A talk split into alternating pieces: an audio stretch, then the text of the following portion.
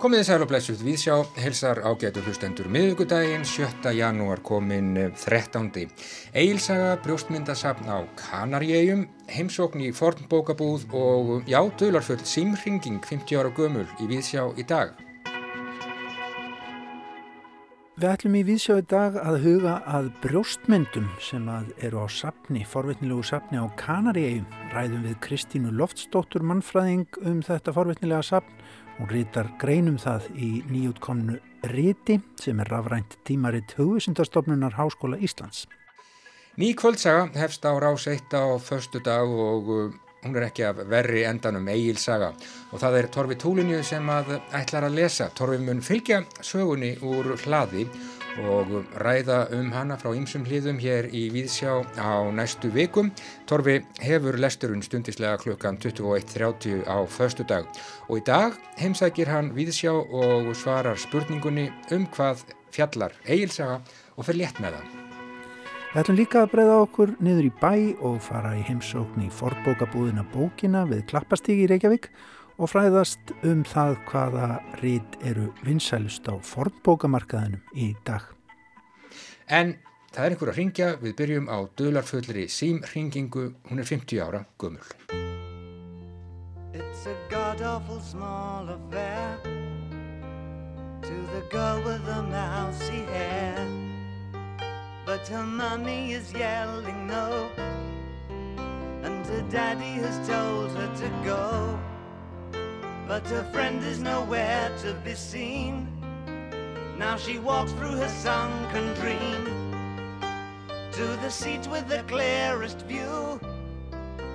And she's hooked to the silver screen.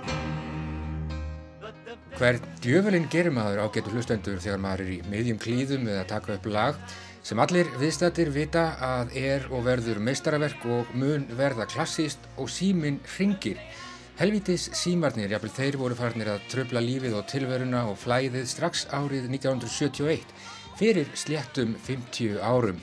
Síðan hefur þetta auðvitað bara versnað og það til mikill að muna hverki og þá meina ég hverki og aldrei friður. Við skulum tala í dag um einhverja frægustu símringingu sögunar og já, hún tröflaði en endaði svo í eiliðunni miðri hver var á hinum enda línunar, ég veit ímislegt um þetta en það veit ég ekki og hef raunar aldrei vitað. En það hefur stundum kvarlað að mér að það hafi verið engin annar en sjálfur Guð. Við skulum fara í gegnum þetta saman og bara í róliheitunum, það er komið nýtt ár, við þurfum ekkert að flýta okkur og við skulum ekkert vera að hafa fyrir því að stitta okkur leið fyrir alla muni, ekki stitta okkur leið Við höfum gert það allt of oft og með slæmum afleðingum. Það er einfallega engin ástæða til þess. Árið er 2021 ágættur hlustendur og það eru nákvæmlega 50 ár liðin síðan símin ringdi og svona ykkur að segja og bara algjörlega prívat, hann hefur eiginlega ekki ringt síðan.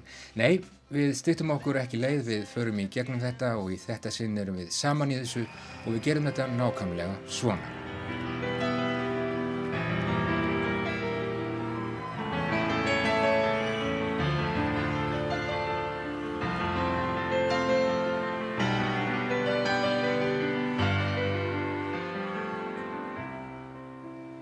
It's a god-awful small affair To the girl with the hair Kveikjan auðvitað lægið fræga My Way með Frank Sinatra en það stendur á baklið plötunar Inspired by Frankie, það er handskrifað Það er ekkert launungamál að lagahöfundurinn var undir miklum áhrifum frá för hans til bandarækjana fyrir á árunnu 1971. Lægið samið á einu síðdegi eða svo síðan bættust strengirnir við og sittkvað fleira. Upptökudagur 7. ágúst 1971, síðasti upptökudagurinn og já, platan var Hunky Dory með David Bowie sem verður sannlega 50 á þessu árum kom út þann 17. desember árið 1971. Tekin upp í Trident hljóðverinu í Lundunum upptökur hófust þann 7. júni það ár stundislega klukkan fjögur á miðgudegi. Fylgur tími og já, þeim lauk svo sannlega þann 7. ágúst og þeim lauk með því að síminn ringdi og þeim lauk með því að Mick Ronson, gítarleikara og útsetjara var falið að sjá um strengja útsetninguna. Sagan segir að hann hafi verið algjörlega á taugum, hann vissi sem var að lægið var gott, hann ótaðist klúður. En hann þurfti ekki að óttast neitt sá frómi drengur. Tekstinn sannarlega surrealískur, stúlkan með músa brúna hárið að öllum líkindum Hermóin Farthingale, kærasta lagahöfundarinn sem stuttar hríð samt aldrei gleimt, hvernig er þetta gleima stúlku sem heitir Hermóin. Þetta fegst þó aldrei staðfest, ég hef aldrei hitt Hermóin en veit að hún var rauðhærð, að mista kosti á þessum tíma. Stórastökkið í tekstanum sagt hefur verið, jú, að tekstin fjallið um unga stúlku sem rekin hefur verið að heiman og hvað er þá í stöðunni? Jú, auðvitað fer hún beinustu leið í bíó, sér hræðilega vonda mynd, svo vonda og svo sorglega hundleiðinlega að það er meira líf í andirinu en á kvítatjaldinu. Þar eru einhverju sjómenn, hellisbúar að slást, það er ekkert að gerast í myndinni sjálfur, meira líf í fordýrinu og þeir, sjómennirnir, hafa ekki grænan grunum það og fyrst það er svona mikið líf þar, lítur þá ekki bara að vera líf á Mars líka, er það ekki alveg augljóst. Lægið hefur ekkert með geimferðir að gera, þetta er surrealist, franst, stökk par excellence Pól Eluar hefði verið gláður með þetta, Andri Breton líka og ég er handlisum að skáldi sjón er líka harð ánægð.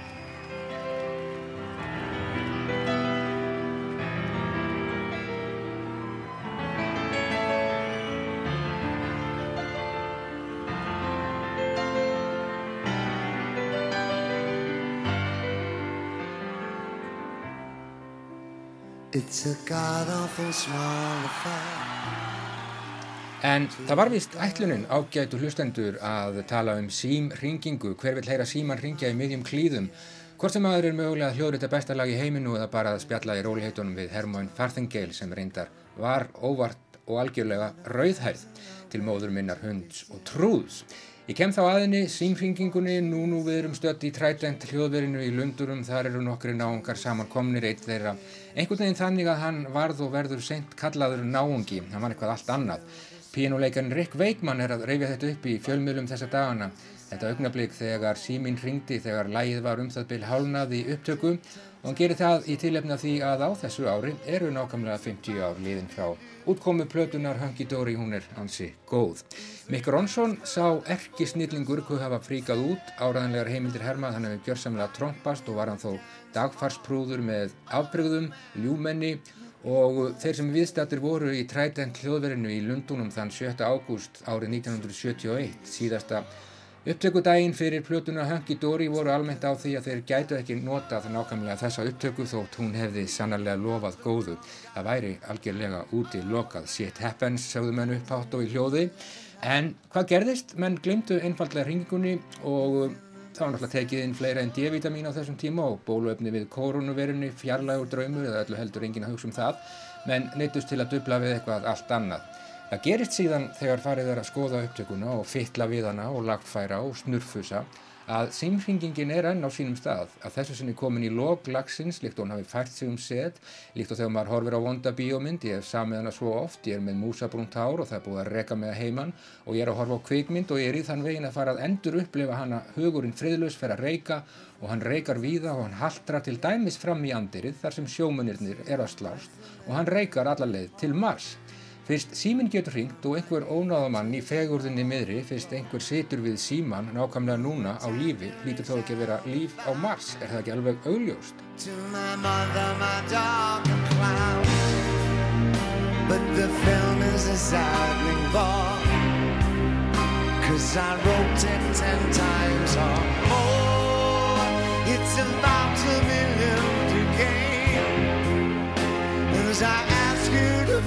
focus on sailors fighting in the dance hall.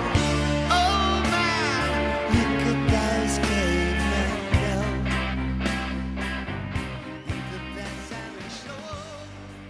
Mick Ronson uh, með sína ljósu lokka heyrist á multitrackinu, ég hef heyrt að bölva þeim sem ringdi í sand og ösku fucking bastard sagðan og uh, eins og ég hef nú þegar sagt þá veit ég ekki hver það var sem ringdi og um, ég held að viti það eiginlega engin og hann hefði heldur ekki vitað það maðurinn sem söng. Kanski var það bara Guðnú eða Marsbúi. Ég hef reyndar eftir nokkara rannsóknarvinnu grunum það hver var á hinum enda línunar en það kallar á fléttu þátt einslögin hér í Víðsjá eru og stutt. Bottomlænið er þetta, símringingin eiðilegði ekki neitt, hún bætti bara nýri vít við það sem var gott fyrir. Bestu símtölinn, auðvitað ágætu hlustendur eru þau sem maður missir af, maður hefur þá eitthvað að hugsa um fram eftir æfinni og um, leiðist þá ekki á meðan kannski smá sorgumættur yfir glötuðum tækifærum og eitthvað þannig en aldrei döð stund nefnur á döl moment, aldrei. Það eina sem ég veit er að síminn ringdi fyrir um það byrj 50 árum, ég veit ekki hver ringdi, kannski bara gjaldheimtan eða úrillur nágrann eða kvartnundan háaðan og eða bara mamma, en síminn hefur eiginlega ekki ringt síðan að minnstakosti ekki með þessum hætti. Við skulum hlusta og við skulum hlusta alla leið til enda alveg þanga til að síminn ringir, það er nýtt ár, ágætu hlustendur, við þurfum nákvæmlega ekkert að flýta okkur, við höfum gert það áður og það fór illa. To my mother, my dog and clowns But the film is a sad thing more Cause I wrote it ten times or more It's about to be writ again As I ask you to vote for some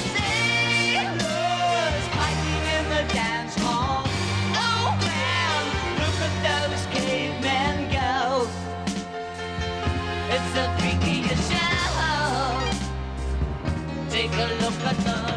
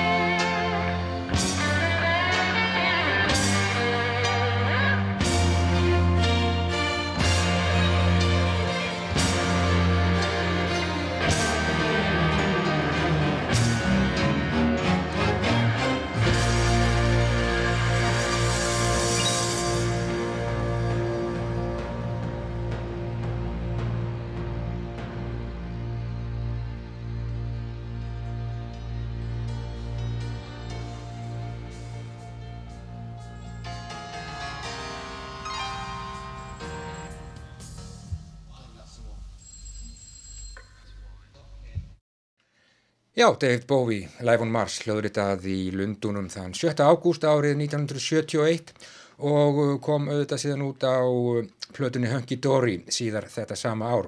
Þetta var um 50 ára gamla símringingu sem enginn hefur svarað, einhvern veginn finnst manni að þessi sími sé hreinlega enn að ringja. En þá ágætu hlustendurvíkur sögunni hér í Víðsjá að bæti efnum. Það er mikið talað um bóluefni og ekki að ástæðu lausu þessar vikurnar. En við hér í Víðsjá á miðugudegi, við erum á höttunum eftir bæti efnum, næringu og bækur eru sannarlega næring við skulum bregð okkur niður í bæ.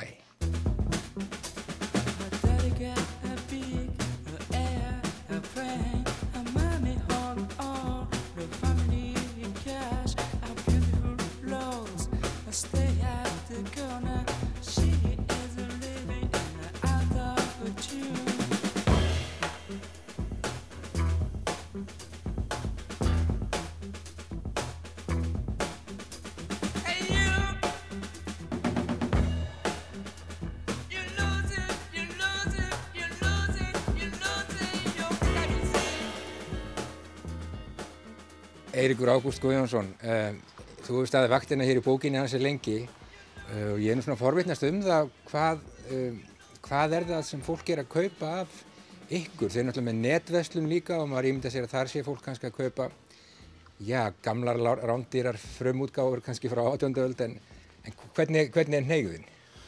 Það fólk er náttúrulega að kaupa sko, náttúrulega hvað sem er. Já. Eh, sko, hlutabókum er bara einnóta það fara bara og svo er það hérna í hillunum og svo bara verða það hérna í hillunum. Mm -hmm. til dæmis æfis og stjórnmálamanna það er eitthvað sem að eldist illa. Endast ekki fram með vjól nei því miður ekki sko. En góða ljóðabækur, vandarskálsugur þjóðlegi fróðleikur náttúrulega og þjóðsugur og Já. allt þetta tengist tengist í slíka sögunum og marðunum fræðanum og svona. Þetta blífur sko. Hmm.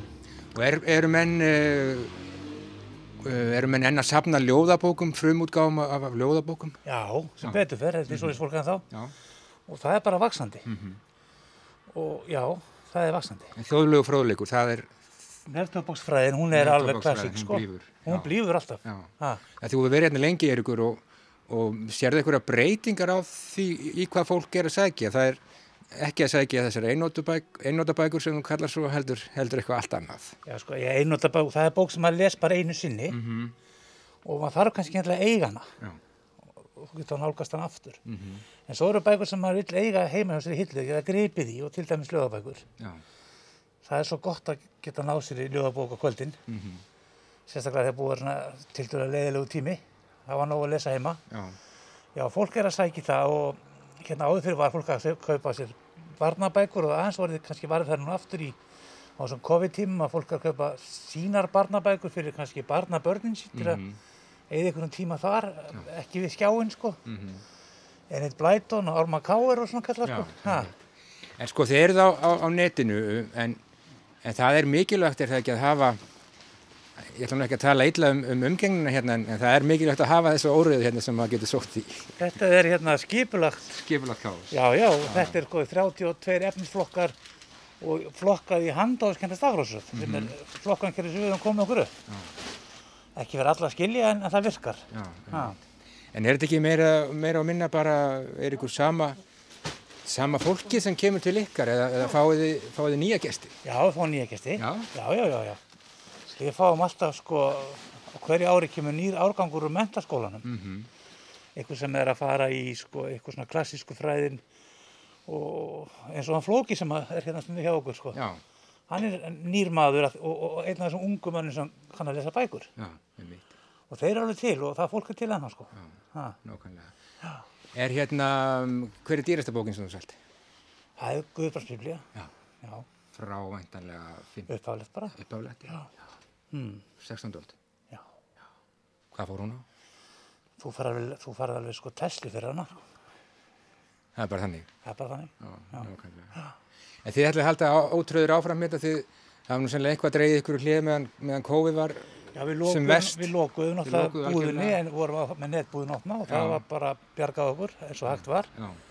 Og svo ætlum við núna þegar að leiði fæst þá opnum við upp á laugu í átján. Já, þeir eru að fara þángað. Já í, í gamla máls- og menningarhúsi, Rúbluna. Í Rúbluna, þar verðum við með gott úrval af sovísku búmyndum, með öðru. Ætlaði að vera með mikið pláss þar? Við verðum með tvær neðstu hæðinar. Nú, það er ekki annað. Eða, já, kjallarrýminn tvö. Já. já. En þú veist að nú tala menn mikið um það að, að til þess að reyka bókabúður í, í dag þá sé ekki nóg að vera með bækur og bóðstólum, heldur þurfa, þurfa bókabúður að vera einhvers konar, já, hvað maður sé, svona menningar miðstöðar? Það er bara bull. Við vorum með kaffekonu hérna, henni var enda stóli þannig að við hættum því sko en það er bara, þú veist, ef þú getur ekki farið í bókabóðans að drekka lattekaffi, þá getur þú ekki að bæða það sko. Það er nóg að hafa bækunar. Það er nóg að hafa bækunar, okkur finnst það sko. Já. Og þið ætlaði að halda ótröður áfram hérna, hérna í miðbænum. Já, já, það er hver ekki annars það, það er ekki takt að hafa þetta í útkverfum svona búðir sko. Guðanabænum haldið áfram, þetta er mikilvægur staður í, í miðborginni, Eirikur Ágúst Guðansson, takk fyrir spjallið og, og haldið áfram að selja bækur og gangi ykkur vel.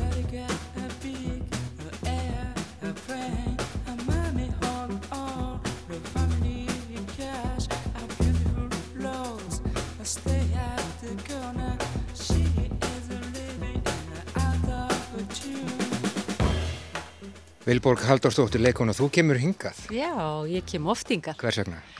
Að ég bara, mjög erskannast það og ég les. Hvað ert að kaupa? Nú er ég að leita að bókinn hennar Ástur Sigurðar hérna sunnudagskvölds til mánudagsmorguns. Já, þú verður að hlusta útvarpið. Já, og ég ætla að fara að lána dóttu minni mitt einn dag sem að ég hef greinilega lánað einhverjum í fortíðinni og Já. ég finn ekki. Aldrei að lána bækur? Allavega merkja þér fyrst, jú, jú, ég vil það alveg. Já. Svo koma þér alltaf tilbaka. En mér finnst þetta endislegt, já. Ke kemur einhver oft? Já, stundum. Já. Og mér finnst nefnilega bókinn, þetta er svona lítill kjölur, 2 cm, þetta er heil heimur. Já. Þetta síndar veruleiki. Og þessi staður er nú bara svona, já, auðvitað segja svona mikilvægur punktur bara í borgar landslæðinu, finnst þetta ekki? Það skiptur óbúslega miklu máli. Mm -hmm vegna þess að ef að, ef að bækur hverfa, ef að svona bókahorn hverfa, byrju hvað hva þá? Já. Þetta er svo mikil örfun fyrir mhm. andan mm -hmm. og líka bara ég segja oft við fólk sko þegar fólk segir hérna ég bara lesi þetta á netinu, það er ekki það sama. Nei og dæminn sanna held ég að, að bókin hefur haldið velli og heldur velli, menn heldur nú að rafbækur myndu taka þetta alveg yfir en, en það hefur ekki gerst það er áþreifanleikin þú verður að geta snert og loka Nákvæmlega. og, og, og vera ekki ramaslaust. Það er mjög slengt. er ég vonum finnir ástuð. Takk.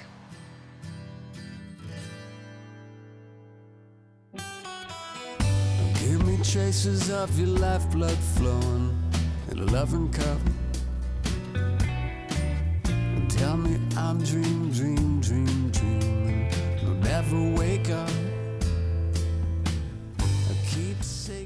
Flóki, þú ert nýr starfsmæður hér í bókinni. Já, Hérna, hvað reykur þið hingað?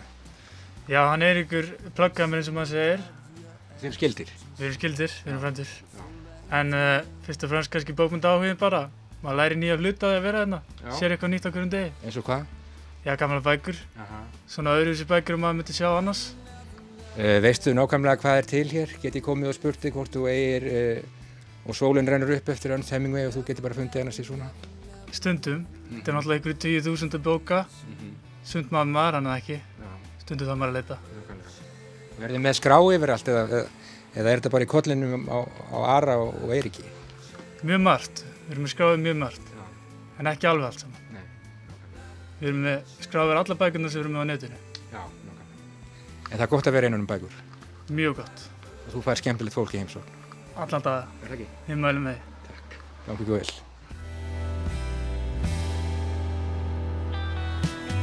An SOS from an outpost there, and a common air. Now I could read you a brief account of the last frontier. We could come to understand what's wrong, as right as rain. Rock bottom of a hollowed ground, where you stake your claim.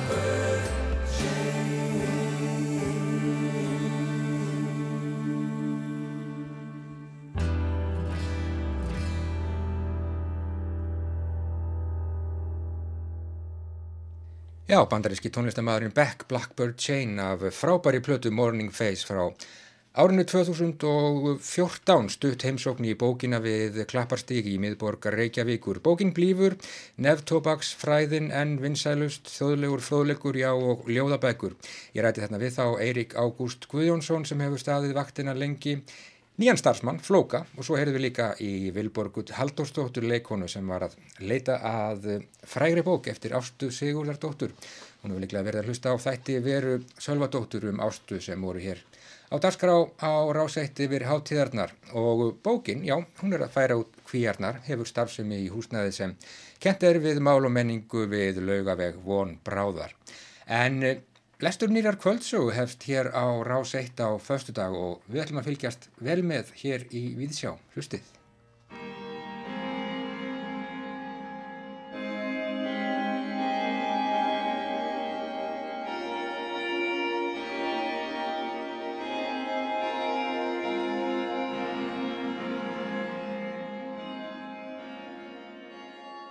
Kvöldsagan hér á rás 1 næstu vikurnar.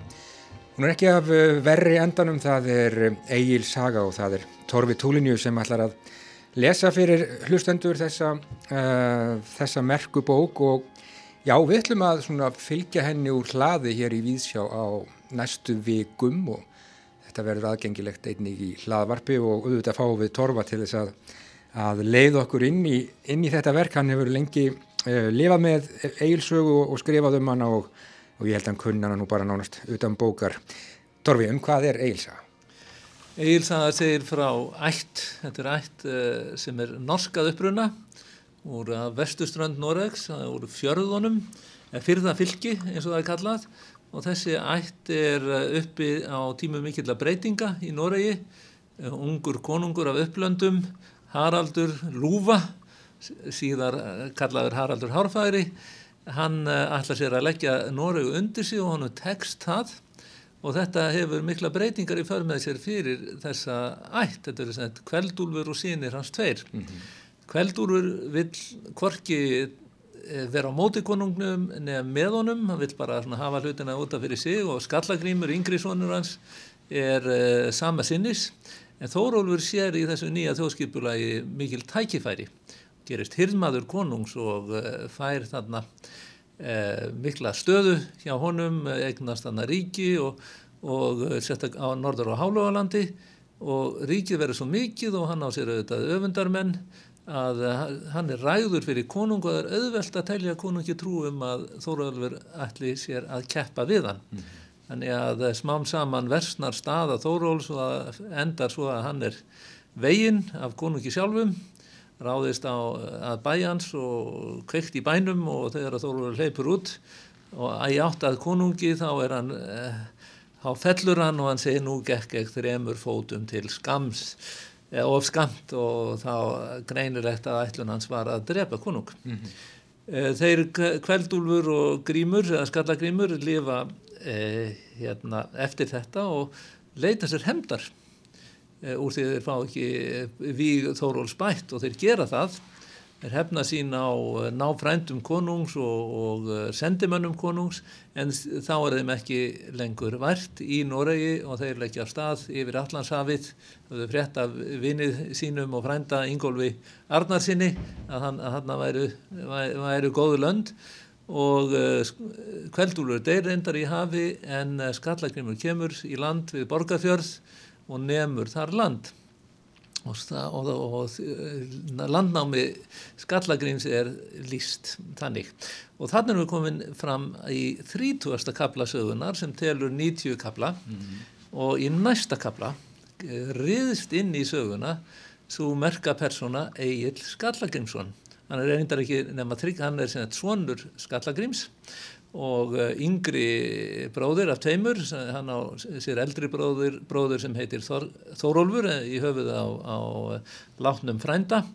Og Egil bókstaflega riðst inn í söguna, það verið kynnt hann börn Skallagrims og Egil er kynntur í lengra máli en aðrir, hann er málugur, ekki nema þryggjára þegar sagan hefst og verður ákaflega reyður þegar hann fær ekki að fara í bóð til móður afa síns með eh, skallagrími og, og hans liði en skallagrími segir og það er frækt að, að þú þú lætur nú, nóg, eh, ég man ekki alveg hvernig það er orðað en þú lætur nógu illa er, svo þú sért ekki að vera þarna meðal fólks það sem er drukkið. Og en Egil gefur sér ekki, finnur þarna einhverja byggju og, og fer í bóðið og þar er honum tekið með kostum af afa sínum og hann yrkir þarna fyrstu vísurnar hans. En því að Egil er hann er óstýrilátur fylgin sér, forljótur stór og mikill en hann er líka mikill skald mm -hmm. og það sem eftir er söguna það er 60 kapla sem eftir er með svona nokkrum hljefum en ekki laungum þá fylgjum við þessari stórkoslegu personu eh, Agli Skallagrímsinni í gegnum Ímisævintýri eh, fyrst er nú reyndar aðeins vikið frá honum og satt frá eh, því þegar að Þórólur bróður hans fer til Noregs og kemur sér í vinnfengi við Eirík Blóðags síðan líka satt frá því að þarna elst upp ung eh, stúlka hjá í, að borg í eh, borgarfyrði þar sem að, sem að elst upp með Agli og er höfðingjadóttir frá Noregi, Áskerður heitir hún. Og síðan uh, þegar að, þegar að Egil hefur vaksið úr grasið þá fer hann aftur út til Noregs með bróðu sínum og aftur er, það, er hann að heimta að fá að fara með þó að bróður hann fyrir ekki taka hann með og hver er ástæðan? Við vitum það ekki en einn ástæða gæti verið svo að Áskerður er með í för og Egil grunar að það, það eigi eitthvað að að ráðstafa hönd áskerðar mm -hmm. og það reynist vera rétt hún er, eh, hún er, gift Þórólfi, bróður Egils og Egil mætir ekki brúköpið en gerir ímiskonar óskunda þarna sem unglingur í Nóri og brátt eru hann komin í mikinn fjandskap við eh, ný unga konunginn, svon Haralds Harfagra, Eirík Blóðöks og svona vindur sögunni fram e, e, bróðupartur sögunar er af Ævintýrum Egils eh, Erlendis, þetta eru fjórar dvalir er, utanlands og eru mest í hlutin af fullorðins ævi Egils og hann lendir hann í alls konar hlutum, hann berst, hann gerir smálalið, hann og þeir bræður gera smálaliðar um, Englandskonungs og, og hjálp honum að berjast gegn innrás uh, skota. Og þar reyndar fellur Þórólur eldribróður hans og, og þó að allir sé lofað miklum fjármunum og miklu veldi í, í Englandi þá vil hann freka fara aftur til Noregs og sinna þar eh, ekki bróður síns og, og eh, eftir skamastund er hann giftur henni. Aftur eh, þau fara heim en aftur þarf hann að fara út og vitja arfs áskerðar en þá á að snuðan um arfin og ef, eitthvað, ef að allir líkar eitthvað illa þá er það að missa pening eða fjármunni og hann verður ákaflega reyður og þar eh, gerir hann tilraun eins og eh, frændi ansfordum að, að ráða niðurlögum konungs, það virk gengur reyndar ekki en hann er gerður útlægi og eh, fer eh, en eh, aftur kemur hann til Noreg svolítið síðar og vinnur sér þá er búið að flæma Eirík Blóðags bursta af landinu. Hann eh, fer þá aftur utan lendir þá fyrir tilviljun eða nema þessi segður Gunnhildar kon, kon, eh, drottningar sem að veldur því, hann lendir þarna skipans eh, brotnar við eh, Englandsstrendur og hann er komin bara í, inn til í hyrð Eiríks blóðaksar í Jórvík og þar þarf hann að yrkja hvæði til höfuðlausnar sér. Svona vindur sögunni fram, Egil verður alltaf skýrari og áhugaverðari persóna, hann uh, svarar gjarnan uh, Eh, svarar gætnan í bundnum máli eh, fræg, fræg er eh, viðregn hans við berserkin Ljótin Bleika þar sem hann berst við hann og í raun og veru hvert högg er undistrykað af drótkvæðri vísu og hann bæði þegar niðurlægir hann ljót með því að ráða fullkomlega við hann en um leið undirstrykar hann niðurlæginguna með kveðskapnum og drefur hann síðan að lokum. Hveðskapurinn er náttúrulega ákvæmlega mikilvægur þáttur í agli, það er ekki bara eh, græðginn og ekki bara kannski hinn dulda ástans á áskerði og ekki heldur bara þessi stórkarlælegi eh, persóna sem er líst mitt sem uh, hálgerðu trölli að bæða burðum og í útliti. En það er auðvitað hveðskapurinn sem að kannski er það sem heitlar mann mest. Og eftir að ferðum Egil's líkur þá lendir hann kannski mesta harmi æfi sinnar þegar að uppáhaldsvonur hans Böðvar druknar í stormi á eh, borgarfyrði og uh, Egil vil bara deyja en uh, dóttir hans Þorgerður platar hann platar ofan í hann mjölk og fær hann til að yrkja í staðin kvæðið og þetta er eitt af stórgóðslegustu kvæðum íslenskra tungu, sonatorreg og við að yrkja þetta harmkvæði, e, þetta tregróf, þá e, fær eigill aftur löngun til að lifa. Og þetta er með bara merk, ég leifir mér að fullir það þessi frásögn er með merkilegri frásögnum eh, heimsbókmentana Já, sannarlega mögnuð og við ætlum að tala betur um skálskap Egil's uh, síðar í okkar spjalli Egilsaga um, kvöldsagan á rása eitt næstu vikunar Tóri Túlinniðus, takk fyrir komuna í Víðsjá og, og hittiði aftur eftir viku. Takk. Takk fyrir það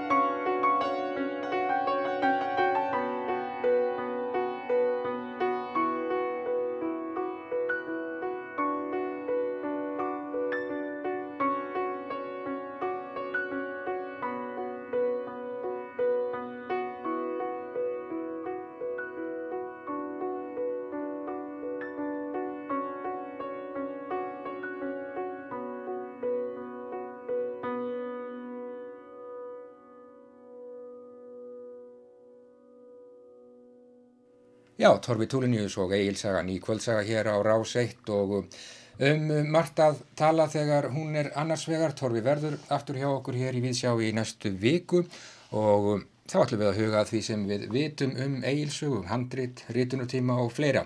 Torfi byrjar að lesa Egilsögu hér á Rás 1 stundislega klukkan 21.30 á förstu daginn, það er fyrsti lestur af átján. En þá höldum við allarleið suður til Kanaríeia í huganum að minnstakosti og veltum fyrir okkur nokkuð sérstöku sapni sem þar er. Það er sapn brjóstmynda sem að íslenskur fræðimæður hefur verið með hugan við.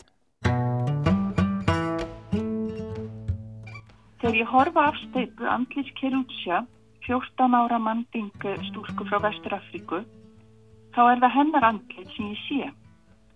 Brjóstmynd hennar er eina þeim sem Kanarísafni kefti og henni hefur verið stilt upp á líti borð fyrir fram að mig til þess að ég geti skoðað hana betur.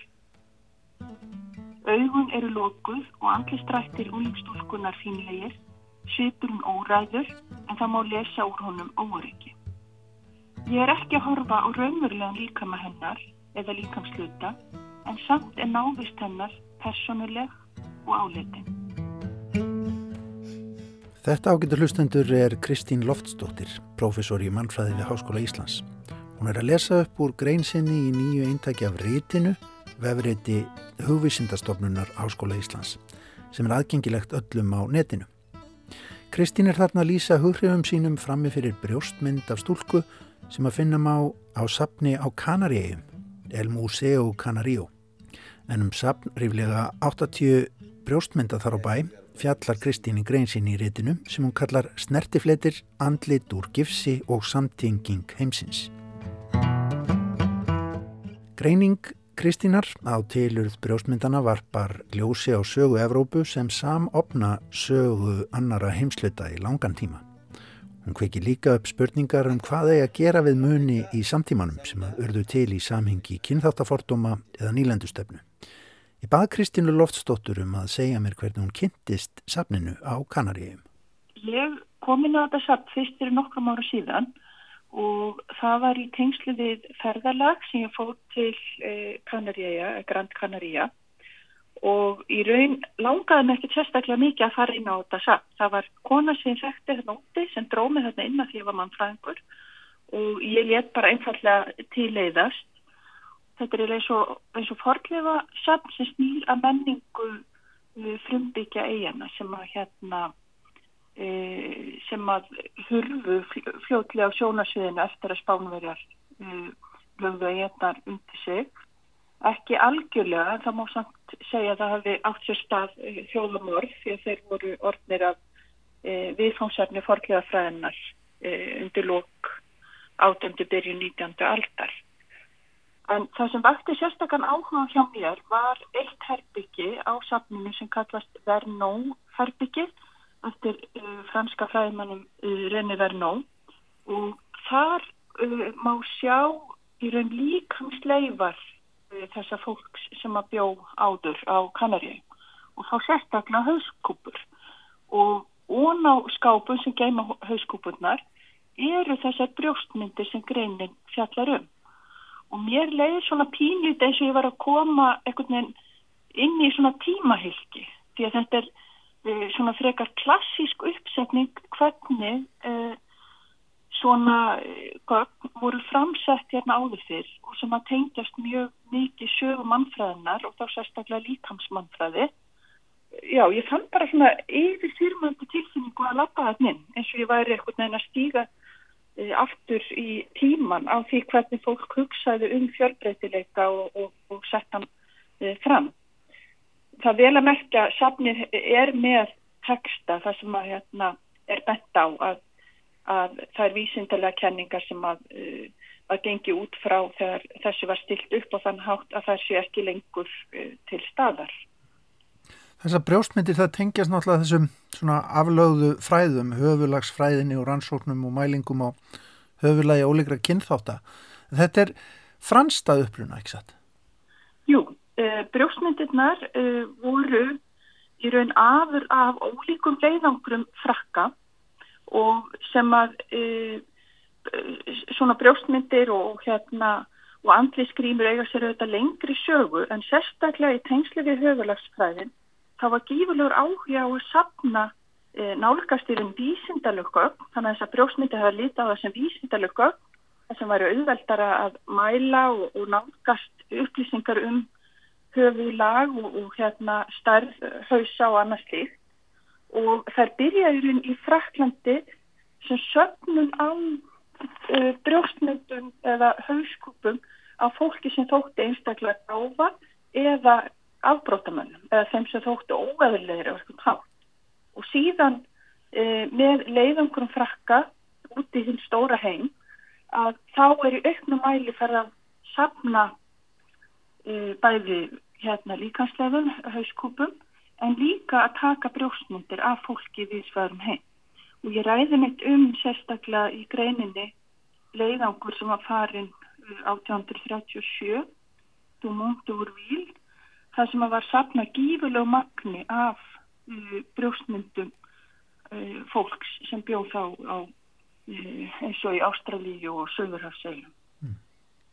Þú í greininni þá sko ferðu út í það í sömum tilvikum að reyna svona eins og getur að mm. eld upp í einstaklinga úr sapninu. Ég menna sömur eru dánir greinilega þegar að brjóstmyndin er tekin af þeim, uh, aðrir, aðrir á lífi. Uh, það kemur í ljós að þú getur ekki Uh, rakið auðvitað í mikill nákvæmni hvaðan fólki kemur en, en, en það er samt, þetta eru nafngreindar personur inn á milli, ekki satt? Já, og það hefur verið hérna uh, svona mikil vinna er að reyna að finna út, menna fyrstu í kemandinn á sjöfum brjóstmyndana eru nöfn og öðrum er bara eitthvað eins og hérna frumbyggja Ástralji og annars líft en þessar, brjóstmyndir eru keistar frá Fraklandi og þar er í sumum tilfellum einhverjar heimildi til um þessa einstaklinga. En í flestum tilfellum eru þessar upplýsingar, það er hægt að finna þær bara hér og þar, þeim er ekki sapna saman og eitthvað tilstæðan hátt og það hefur ekkert verið lög neitt gífulega mikil áhersla í flestum tilfellum á að reyna að nafngreina e, marga af þessum einstaklingum. Það eru vissulega til undatekningar eins og kemur fram í greininni að þá er uh, hluti af hérna þessu brjósmyndasafni uh, eru brjósmyndir sem voru gerðar af Íslandingum ára 1856 og Ólaf Nordal var með síningu á ljósmyndu fyrir nokkrum ára síðan af uh, þeim brjósmyndum og, og, og þá einmitt gaf hún þessum andlitum hérna nögn og, og setti í, í samhengi á samt Æsi Sigjónsdóttir En það sem ég langaði að gera það var að gefa þessum andlitu sem ma maður sé þarna uh, sem þess að personuleika og grafa upp hvaða einstaklingar þetta voru. Og eitt af því sem ég langaði til þess að gera með því er líka að draga fram hvað heimurinn hefur í raun verið samtengtur í ótrúlega langan tíma. Út af því í samtíman þá tölum við svo ofta eins og þetta sé eins og Evrópa sé jafnvel þetta fólk þekki vissulega nýlöndu tíma en samt eins og Evrópa hafi ekkert nefn verið aðskilum frá sögu annara heimsálfa og við sjáum ekkert nefn í gegnum að reykja sögur þessara einstaklinga og tengslera við hérna þá sem að gerði brjósmyndirnar að þá byrstast fullt af mjög áhugaverðum og oft svolítið markfloknum sögum.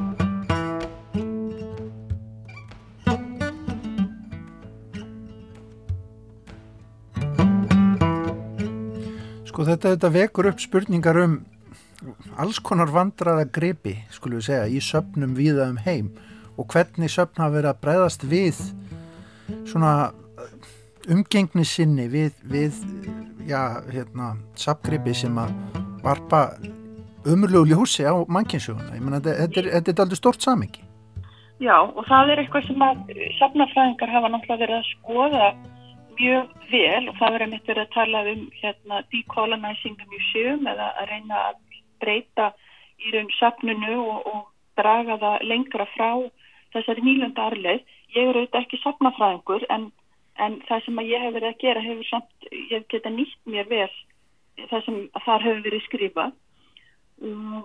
Eitt af því sem ég er líka áhugavert með brjóksmyndirnar er um þetta, eru ekki líkamsleifar. Þetta er ekki eins og hauskúpur eða annars líkt en á sama tíma er þetta ótrúlega e, svona personulegar minjar um þessa einstaklinga. Það er ótrúlega mikið nánt við einstaklingi þegar maður horfir á brjóstmyndina að því að það er ná svo vel hverjum einasta drætti í andlitinu. Það ná svo vel einhvern veginn e, eins og myndist á áðan. Maður getur séð oftast hvort að manneskjans er dáin eða lifandi og og í mörgum tilfellin þá er fólk að herpa saman andlita að þetta er óþægileg og hérna og mannfræðingurinn Jeffrey Feldman hann talar einmitt um úttæki contact point eða snertu hlutur og þá eru það hlutir sem hafa orðið til vegna snertingar við líkama mannesk mm. þannig að þessar brjóstmyndir það er einhvern veginn öðruvísi heldur en ímislegt annað sem er búið til að fólki af því það fela í sér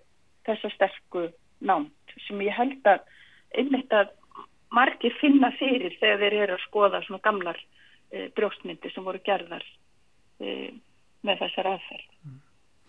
Nú eru til dæmum það að slík söpn hafi einfallega bara verið eðil og þú rekur, rekur þau til dæmis í greininni en, en þetta er kannski að einhver leiti rétti staðurinn fyrir svona söpn á Kanaríum þar sem að Evrópumenn gengur fram með þeim hætti sem var svona í upphafi nýlendu tímans og áður en að kannski, já nánast eins og æfing fyrir ný, nýja heiminn, hvernig þeir gengur fram?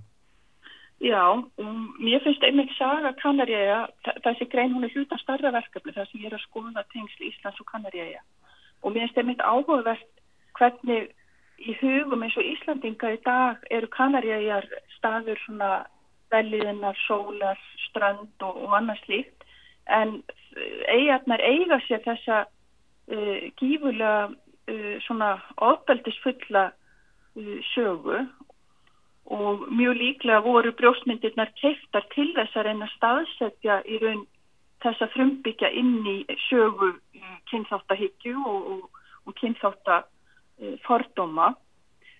En, en þetta er vissulega snúin spurning hvernig eigi að setja svona fram í, hérna, í rýmisapsins og, og og það hefur um eitt verið gaggrínt uh, mjög stert á síðastlinum árum hvernig uh, söfnin gera oft ósynilega uh, þessa sögu söfnunar á þessum gripum sem er oft saga ofbeldis og, hérna, og valdbeitingar. Og eins og við sjáum á kannarisafninu það er ekkert, það er engin áhersla í raun á sögu þessara einstaka mun En, en brjósmyndirnar er líka til sínis í París á Musilóm þar sem að þeir hafa verið að reyna að gera aðeins sínilegra einmitt að þetta voru uh, ákveðnir einstaklingar því að þessar sem er á kanarisafni er í rauninni svo bara afsteipur af þeim sem eru til í, í París. En, en hérna en þjóna uh, að mínum afti svona tilgangi að staðsetja með til kanari að betur innan þessara sögu uh, hérna vísinda og, framþróunar sem að fólk trúið svo stert á í byrjun 20. aldar og lók 19. Kanski að lókum Kristín sko það að skoða fordóma fortíðar, það lítur að hjálpa okkur til þess að vinna á, ford, á fordómum dagsins í dag, ekki satt? Jú, mér finnst það að vera mjög mikilvægt og, og hérna og mér finnst það þjóna svona margþættin tilgangi eins og til dæmis að, að auka skilning á því hvað heimurinn hefur verið tengdur eins og ég sagði áðan oft í umræðum eins og sérstaklega flóttafólk og hælisleitendur það er svona eins og núna er þetta fólk einhvern veginn að koma til Evrópu svona svolítið sjátótt og hérna og mér finnst líka mikilvægt einmitt að, að leggja áherslu á að, að fordama okkar hvert öðrum þeir eru ekki sjálfgefni þeir eru hluti af ákveðinu sögu og hérna og ég held að sé mikilvægt í markværslu samhengi gera þessa sögu betur uh, sínilega.